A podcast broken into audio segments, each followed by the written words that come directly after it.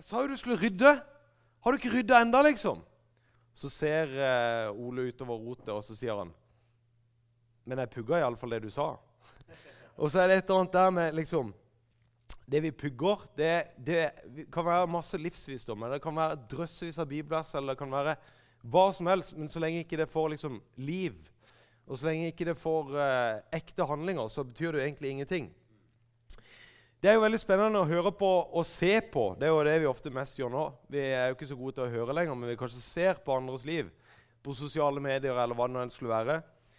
Eh, og det er jo selvfølgelig mange av disse glansa historiene, men nå er det jo også kommet en del av disse uglansa historiene, for nå er vi liksom litt lei av det der perfekte. Men nå skal du være uperfekt perfekt. Og jeg vet ikke om det var noen av dere som så i, i, i går det var På, eh, på TV-program så var det Bollestad som ble intervjua. Eh, hun eh, eh, som er leder, eller med i KrF, og som legger ut liksom, bilder av hun og mannen sin. da, og mange bilder av mannen sin. Og så er det, det er på en måte sånne uperfekte bilder, og så skal det skape masse liksom, gøy. da. Og Det gjør jo det. Vi kan jo le av det. Og det er jo masse mennesker som tjener søppel med penger på egentlig bare å fortelle hvilke bokser de har på seg, eller hvilke tøy de bruker, eller hva det nå enn skulle være. Og så er det liksom sånn ja, Hvor relevant er det egentlig for ditt liv og mitt liv? Og så kan det jo være sånn at eh, vi av og til begynner å tenke litt sånn eh, Ja, er mitt liv egentlig så interessant? Og det tenkte jeg på før jeg skulle komme her i dag. Så tenkte jeg Har dere egentlig lyst til å høre om mitt liv? Eh, og hva er det som egentlig er så spennende med mitt liv? Jeg er jo egentlig bare en helt vanlig mann. Helt vanlig mann, helt vanlig pappa, helt vanlig arbeidstaker. Ikke noen sånn voldsomt, Jeg har ikke de villeste historiene i det hele tatt. Um, og kanskje du òg tenker sånn liksom, Hva skal det bli med, med, mitt liv? Er mitt liv verdt å lytte til? Eller vil det liksom være noen som i det hele tatt skjer det noe interessant med livet mitt? Mange av dere vet, eh, er liksom på, på, vei til å velge på vei til å velge på et eller annet tidspunkt hva dere skal gjøre videre med livet. Og det står på en sånn eh, egg til en, en viktig avgjørelse. da. Og så kan jeg tenke hva blir det egentlig ut av dette her? Og Før jeg begynner å dele litt om mitt liv og noe av dette som jeg ønsker å snakke om i dag, det er jo hvordan Jesus på en måte blir en del av ditt historie, så er det, så er det nettopp dette her At egentlig så handler det ikke om din historie. Men som kristen så handler det om om du er opptatt av hans historie. Hva han har gjort for noe, hva Jesus har gjort for noe. Og Før du liksom egentlig får grep på hans historie, så, er, så, tenker jeg at da får du aldri grep på din historie. For det handler nemlig om noe mye større. Eh, og Det handler om å feste blikket sitt et helt annet sted enn inn i selfiekameraet eller inn på en My Story på et eller annet vis, eller om du skal legge ut noe uperfekt perfekt, eller om du skal legge ut noe perfekt, eller hva hekkfjell du skal gjøre. Hvis du aldri får blikket oppover på hva som er hans historie, så kommer du ikke til å finne ut av hva din historie er. En kristen er en som forenes med Jesus og hans interesser i verden. Forenes er jo et sånt gammelt uh, ord, og det er en som heter Edin Løvaas, som har uh, formulert den setninga her. Jeg syns egentlig det er den beste si for noe, visjonen, kanskje, for mitt og ditt liv. Uh, og det er liksom, Hvis vi skal vende blikket vårt et sted, hva er det vi skal gjøre da? Jo, som kristen så handler det om at mitt liv må bli ett med, eller mitt liv må liksom sammensmeltes med Jesus sitt liv.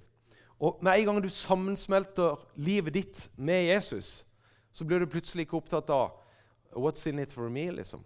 Men da blir du opptatt av hva er det du er opptatt av Jesus? Hva er det dine interesser er rundt? Hva er det dine interesser er nå på skolen? Hva er dine interesser for denne byen? Hva er dine interesser for den jobben jeg har? Eller hva er dine interesser, Jesus?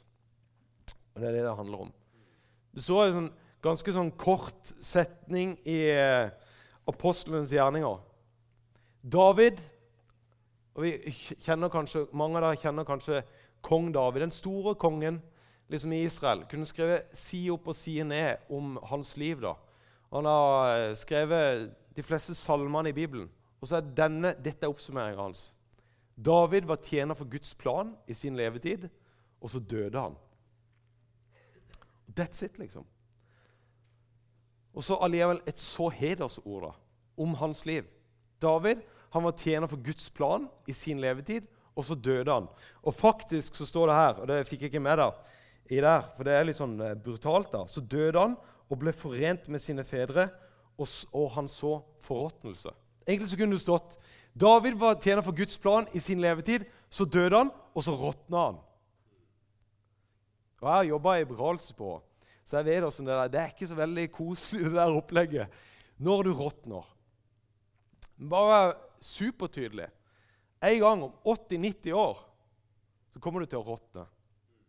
Det som skjer da, det er ikke noen sånn koselig prosess, egentlig, hva som skjer med oss, men det skjer med alle mennesker. Er det noe som er helt sikkert, så er det det. At vi kommer til å dø. Og så er spørsmålet liksom, hvilke tilbakeblikk på livet skal du ha da? Det kan jo hende at eh, noen av dere, når de graver dere opp om 3000 år, så finner de noen sånne interessante funn. De finner noen sånne falske lepper, noen falske pupper, noen falske rumper. eller hva det er. Men resten er råtna vekk. ikke sant? Og så er liksom spørsmålet ja, ok, hva var det egentlig livet mitt skulle være? Hva var det jeg skulle gjøre med livet mitt? Eh, vil du få en sånn beskrivelse som David fikk? David var tjener for Guds plan i sin levetid, og så døde han. En kristen er nemlig en som er forent med Jesus, blir ett med Jesus, blir kjent med han, blir venn med han. Vit hvem han er. Vit hans hjerte for ditt liv. Vit hva hans kjærlighet er for ditt liv. Vit hva, hans, hva er hans historie. Han som valgte å komme ned, eh, bli et menneske, leve sammen med oss her. Kjenne på, all, kjenne på, sult, kjenne på smerte. Kjenne på det å være flyktning. Kjenne på det å, liksom, på alle mulige vis da, for å vite åssen det er dø på et kors og stå opp igjen. Bli kjent med han. Og så er det jo det som er spennende. Det er jo hans historie som er spennende. Det er jo ikke din historie. Det er ikke min historie. Men det er hans historie. Gjennom det og gjennom meg som blir det virkelig spennende. Eller så, kunne, eller så blir, blir, livet ditt sånn som dette.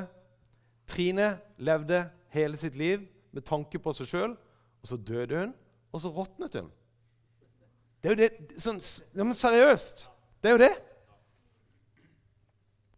Så du har et valg. Du har et valg i kveld.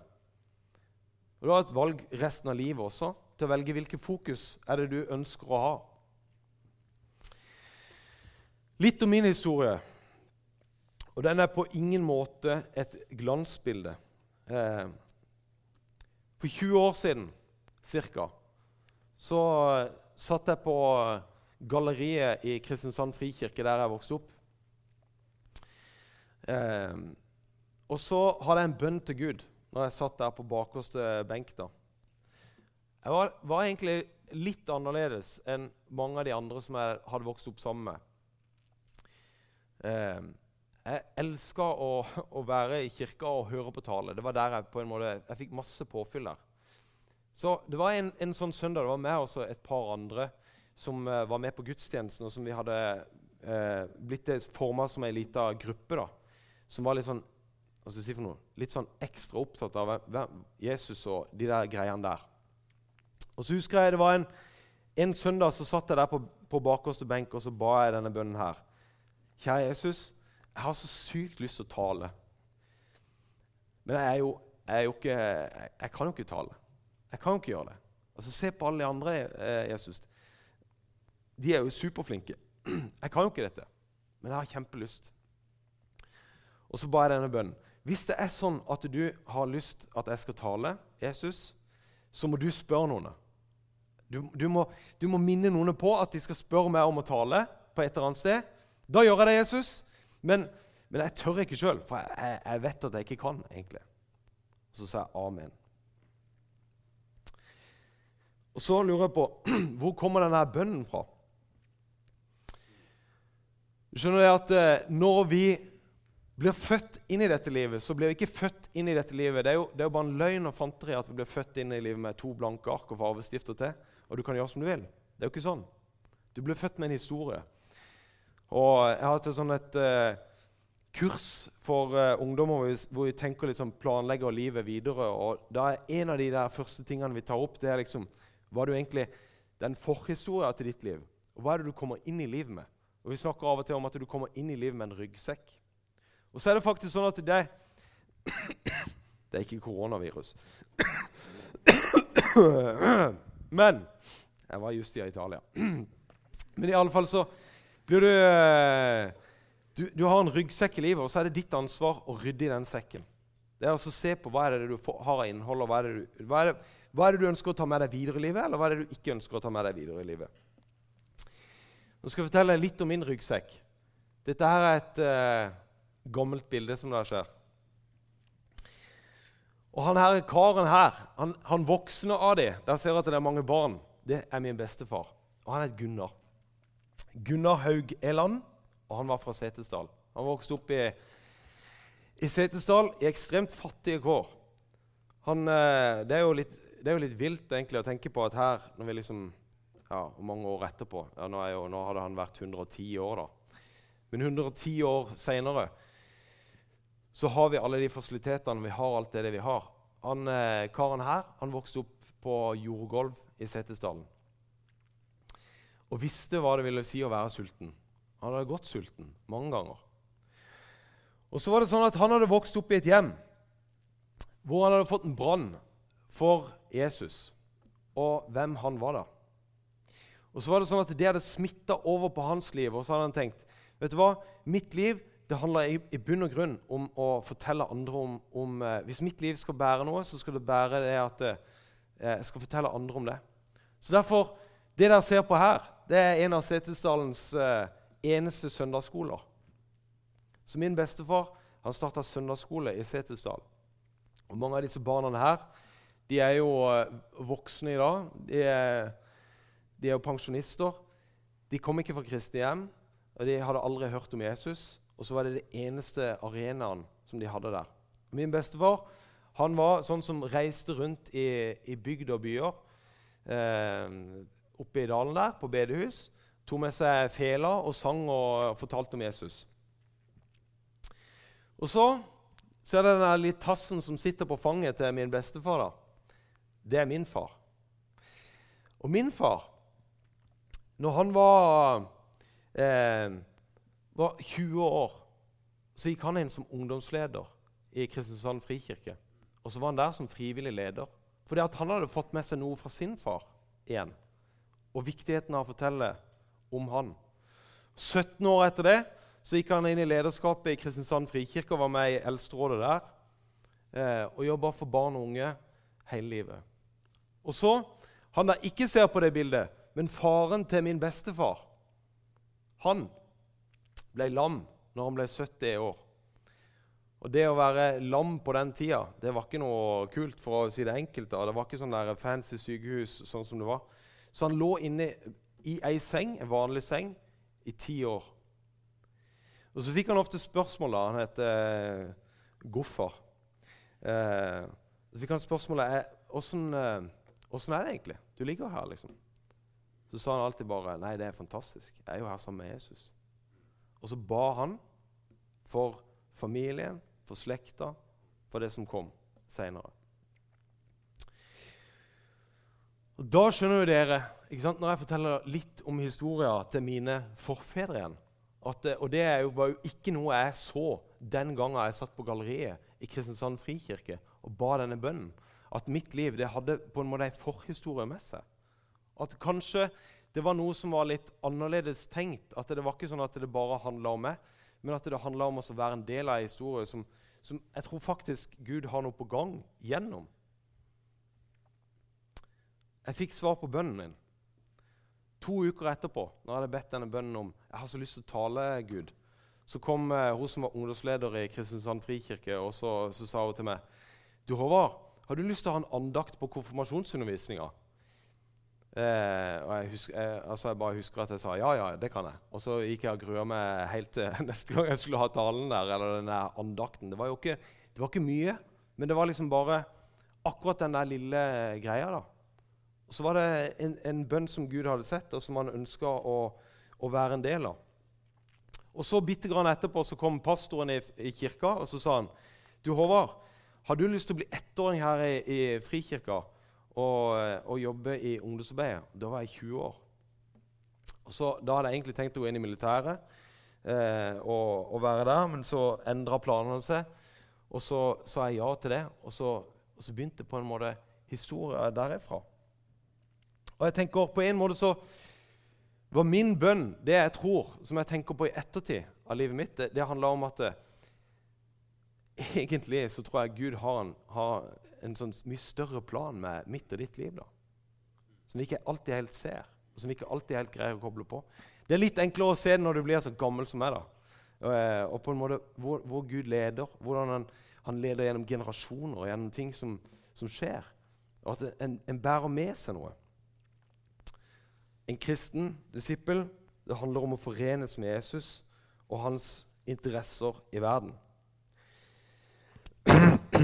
Når jeg ser tilbake på livet mitt, så er jo selvfølgelig eh, mye takknemlig. Det var egentlig det som satt igjen når jeg skulle tenke på livet mitt. Ja, jeg har hatt masse sånn opp- og nedturer. Jeg har opplevd eh, mobbing på skolen. Opplevd eh, I alle klasser jeg har vært i, så tror jeg da Til og med på, i Kristiansand, der en liksom er i bibelbeltet så er liksom det beltespennet det er der det er størst uh, tetthet av kristne, kanskje bort for utenfor Lyngdal. Der er det jo alle kristne. som uh, ja, veldig mange kristne der. Men jeg var den eneste kristne i alle klassene som jeg har gått i. Og fått skikkelig pes. da. Jeg husker en gang i, i, på ungdomsskolen så, så, var det en en som, eh, Da hadde vi gutte- og jentegym. Så da var det sånn at vi var, det, var i guttegarderoben, og så var det en som ropte. Da var vi to klasser sammen, og så ropte han ut liksom, eh, foran alle guttene når vi sto der og skifta. Så sier han bare 'Håvard, du han er Jesus, er han gul eller rød, eller?' Eh, og så var det bare helt stille i garderoben der. Og så følger du deg jo som en nisse der du står. ikke sant? Du tenker, hva skal, hekkfeld skal jeg svare? Akkurat den, den der gangen fikk jeg noe kult å si tilbake. Så sa jeg jeg vet ikke. Men jeg vet at en gang så skal jeg se han, og da skal jeg svare det. Eh, men en har fått pes på, på liksom, hva, hva, handler det om å være kristen? Hva er det du står for? Hva er det du tror på? Altså, du har diskutert i timevis om, om liksom egentlig å forsvare troa mi og alle de tingene der. Men samtidig så er det liksom én ting som, som jeg bare er så utrolig takknemlig for. Så ufattelig takknemlig for at jeg har fått lov til å vokse opp i en kristen familie og et kristen hjem Og med en kristen historie med den en har. Og Det jeg sitter igjen med, det er det at eh, jeg har fått så ufattelig mye. da. Bare med det å være eh, i en, eh, en eh, kristen setting, gå i ei kirke, være en del av et fellesskap sånn som dette. Det er ikke mange steder i samfunnet som, som egentlig har det som vi kan kalle et generasjonsfellesskap. Det at voksne og barn henger sammen. I kirka er det. Og Det har jeg vokst opp med helt siden jeg var bitte, bitte liten. Det er ikke mange steder som du blir utfordra på, eh, på, penger og på lommeboka, på at du ikke skal bare tjene alt for deg sjøl, men at du skal gi noe tilbake. Jeg husker første gang jeg fikk ukelønn. Da fikk jeg 50 kroner i, eh, i uka. Så sa mine foreldre at eh, fem kroner av de, det må du gi i kollekt, for det, det er ikke dine. Det, det, fått, vi får alle pengene fra Jesus, og så får vi lov til å beholde noe sjøl. Så har han liksom lært at det, pengene det er jo ikke det er ikke for å tjene meg, men det handler om å, det handler om å tjene andre. Eller moral, da. Så utrolig takknemlig for grensene som Bibelen har satt opp, da, og som har gjort til at jeg har uh, tatt flere kloke valg enn en, en jeg, en jeg, ville gjort hvis jeg ikke hadde hatt dem. Jeg, er helt sikker på Jeg vet at jeg er en sånn utforsker av natur. Så hvis jeg ikke hadde hatt de der grensene der, så hadde jeg gjort så mye mer dumme ting enn det jeg allerede har gjort. Jeg har gjort mange dumme ting allerede, men uten de grensene. da. Gode vennskap. Eh, det der kikker rundt der, i, rundt der, det er kanskje noen venner for livet. Noen som dere har der, som dere kan stå skulder til skulder sammen med. Ikke minst et blikk ut i verden, at det handler om noe mer. Det handler om en, en verden som er større. Og så handler det om nåde, da. Og En av disse historiene for min del det er liksom å få grep på hva er det egentlig Jesus har gjort. Jeg tror jeg vokste opp eh, med en sånn forståelse av at eh, ja, Jesus er jo glad i meg, men allikevel så har jeg liksom aldri kjent det. Eller jeg hadde, hadde, ikke på det tidspunktet da jeg lurte på om er han egentlig glad i meg. Tilgir han meg egentlig? Og så Rett rundt jeg var 21 år, tror jeg, så eh, jeg hadde flytta ut hjemmefra. Og så hadde vi en liten eh, leilighet med oss en eh, kamerat som vi bodde i. Og så en kveld der så, så leste jeg ei bok, og den eh, var eh, Den var skrevet av en forfatter som heter Khalil Gibran. Og så snakka han om eh, han om kjærligheten. Det var egentlig bare ei bok om kjærlighet. Og så hadde det så var det sånn at Jeg fikk ikke sove etter jeg hadde lest eh, Jeg lå flere timer og liksom, jeg fikk ikke sove når jeg hadde lest den der boka. Jeg bare Søren, jeg kan ikke sove. Jeg husker jeg ba til Jesus om at nå må jeg sove osv. Og, og jeg har hatt et sånt bønnesvar i livet mitt eh, som, som, gikk på det at hvis jeg ba Fader vår, så var det en sånn sikker vinner. Eh, eh, på at jeg sovna. Jeg ba Fader vår, det hjalp ikke. Jeg fikk ikke sove i det hele tatt. Men så sovna jo til slutt, da.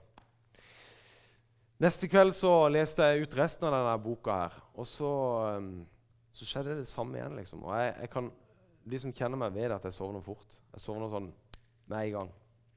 Fikk ikke sove. Og så plutselig så kom jeg på en lur idé. da.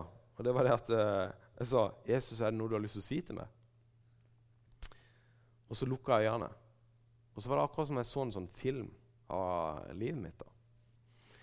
Og Så ble jeg dratt opp til et sånt sted som eh, er rett ut forbi Kristiansand. Det er ei øy som ligger rett ut forbi Odderøya. heter den. Det er jo ganske enkelt og tilgjengelig å komme fra Kristiansand sentrum. Og Det var et av mine favorittsteder. Og Helt på toppen av Odderøya så var det sånn et, eh, et, sånn et hus du kunne gå ut på.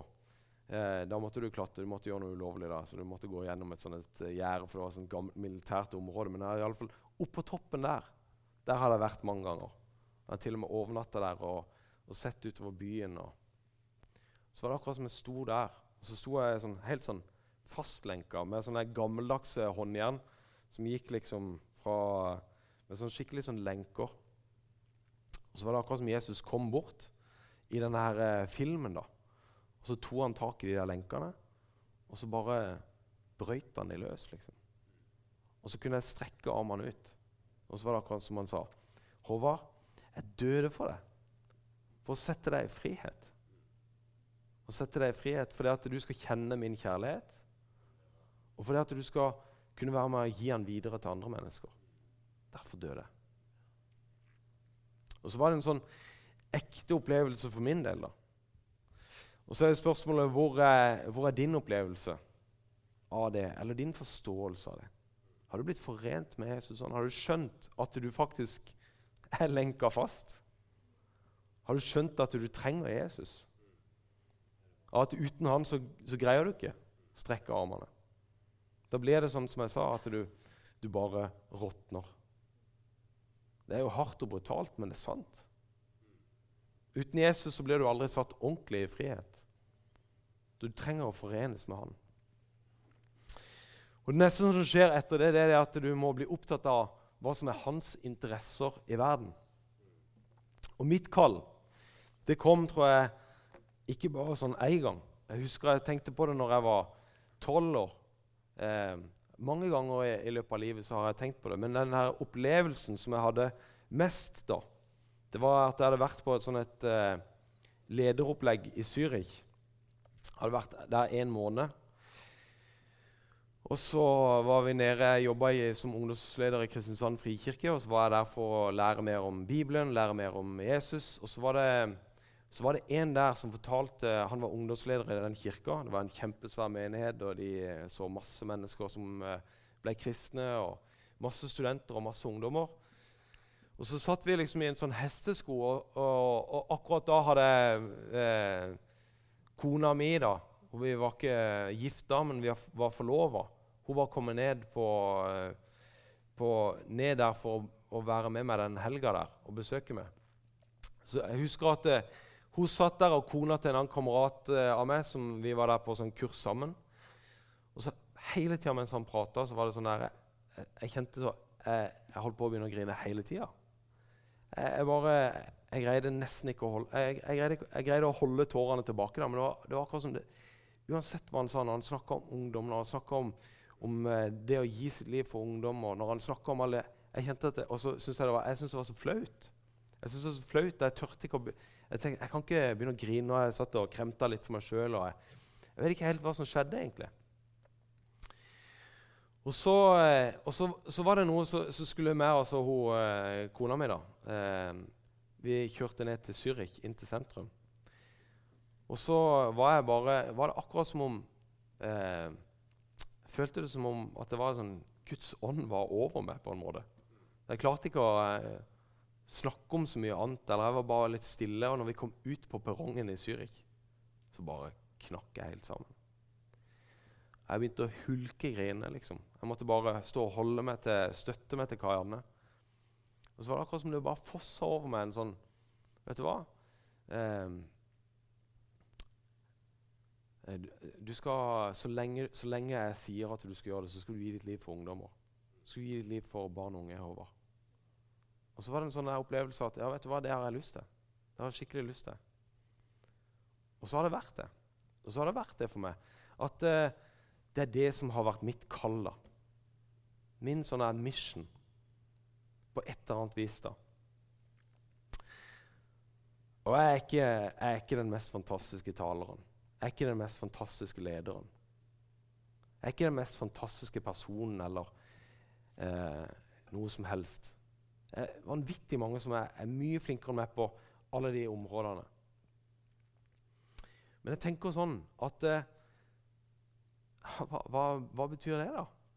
Altså, Mitt kall er jo det samme uansett. Uansett om jeg er dritgod på det, eller om jeg er litt god på det, eller hva det nå enn er. Det er det, er, det er det som er hans plan med mitt liv. Og så har jeg tenkt sånn, og det tror jeg faktisk at det er min drøm. da. Min drøm det er, det er, ikke det at uh, jeg skal bli den mest fantastiske på noe som helst uh, måte. da. Men jeg tror Jeg har begynt å se, og, og, ser, ser, noen av dem. Jeg tror at jeg, jeg, skal få lov til å være med og bety noe for noen som skal gjøre en vanvittig stor endring og betydning. Og det, det der rampelyset det tiltrekker meg egentlig ikke i det hele tatt. da. Det å tale for dere Jeg vet ikke hvor mange dere er. liksom. Det er, det, det er, ikke det, som er viktigst for meg. Det viktigste for meg ville være å treffe en av dere etterpå. Og så sette meg ned og snakke med en av dere. Og så snakke om hvordan det å forenes med Jesus og hans interesser i verden egentlig, hvordan betyr det noe for ditt liv. Da Da ville jeg vært superhappy. Jeg syns det er greit å stå på en sånn talerstol som dette og gjøre det. Men det er ikke det som er egentlig er min greie. da. Sånn, dypest sett så handler det om den ene og den enkelte. Og jeg kjenner ikke ditt liv. Jeg, jeg vet ikke hva, hva ditt liv eh, vil eh, bringe. Men jeg vet at eh, hvis det skal bli et liv som bare ikke endte med at eh, Og så råtna du. Så er du nødt til å være opptatt av dette her. Hva er hans interesser? Hva er hans interesser i verden? Hva er det han vil gjennom ditt liv? Hvordan ser de historier ut? Den kan være brokete, den kan være hva som helst, men jeg vet iallfall én ting. Og det er at Gud han kan vende alle ting om til, til, etter sin vilje og sin plan og sin hensikt. Uansett hvordan livet ditt har sett ut og skal se ut osv. Men det handler om det. da. En kristen er en som forenes med Jesus og hans interesser i verden.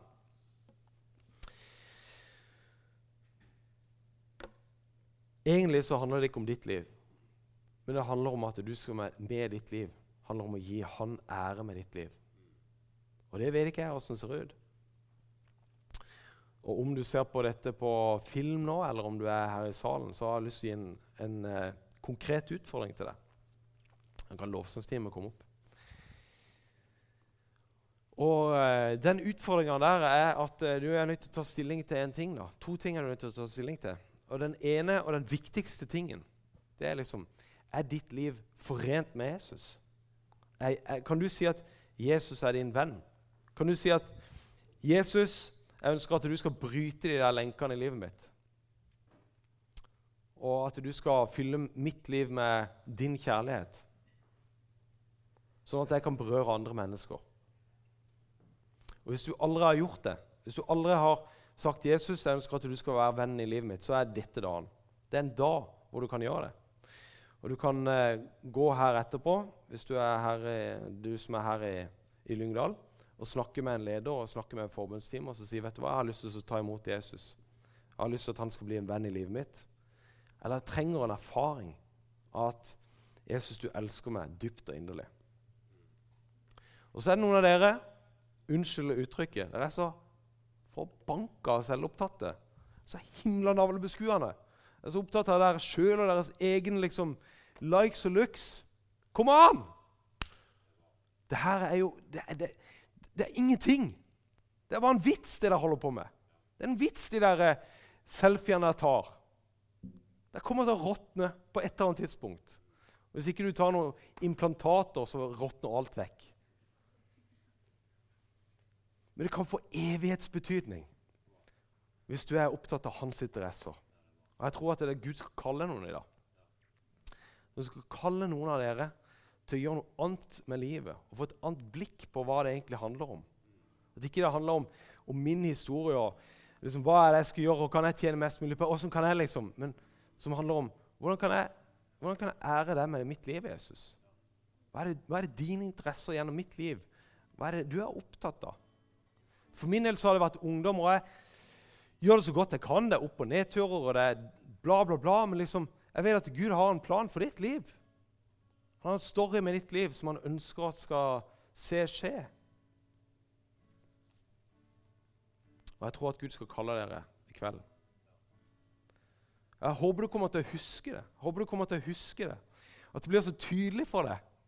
Jeg skulle nesten ønske at du drømmer om det. Drømmer om at eh, flate heller jeg kommer til å råtne når jeg blir 90. Du ser det nesten så tydelig for deg. For de gjør noe annet når du står der og skal dille og dolle deg opp i speilet, eller du står og pumper, eller du deffer, eller hva hekkfjell du gjør, som har nada å bety. Jeg, jeg, jeg, håper det. Jeg håper det blir supertydelig for deg. At det handler om noe annet. da. Det handler om noe helt annet. Og du kan være med å berøre mennesker og verden rundt deg på en helt annen måte hvis du er opptatt av hva hans interesser er i verden. Så dere skal få lov til å reise der nå. Og så uh, under neste sang så har jeg lyst til at dere skal komme frem. Dere som eh, dere som har, trenger å gå til forbund og trenger, vet du hva, Jesus, jeg trenger å bli forent med deg, så går du bort der. Og dere som eh, trenger å, å, kjenne at Vet du hva? Livet mitt handler for mye om meg sjøl nå.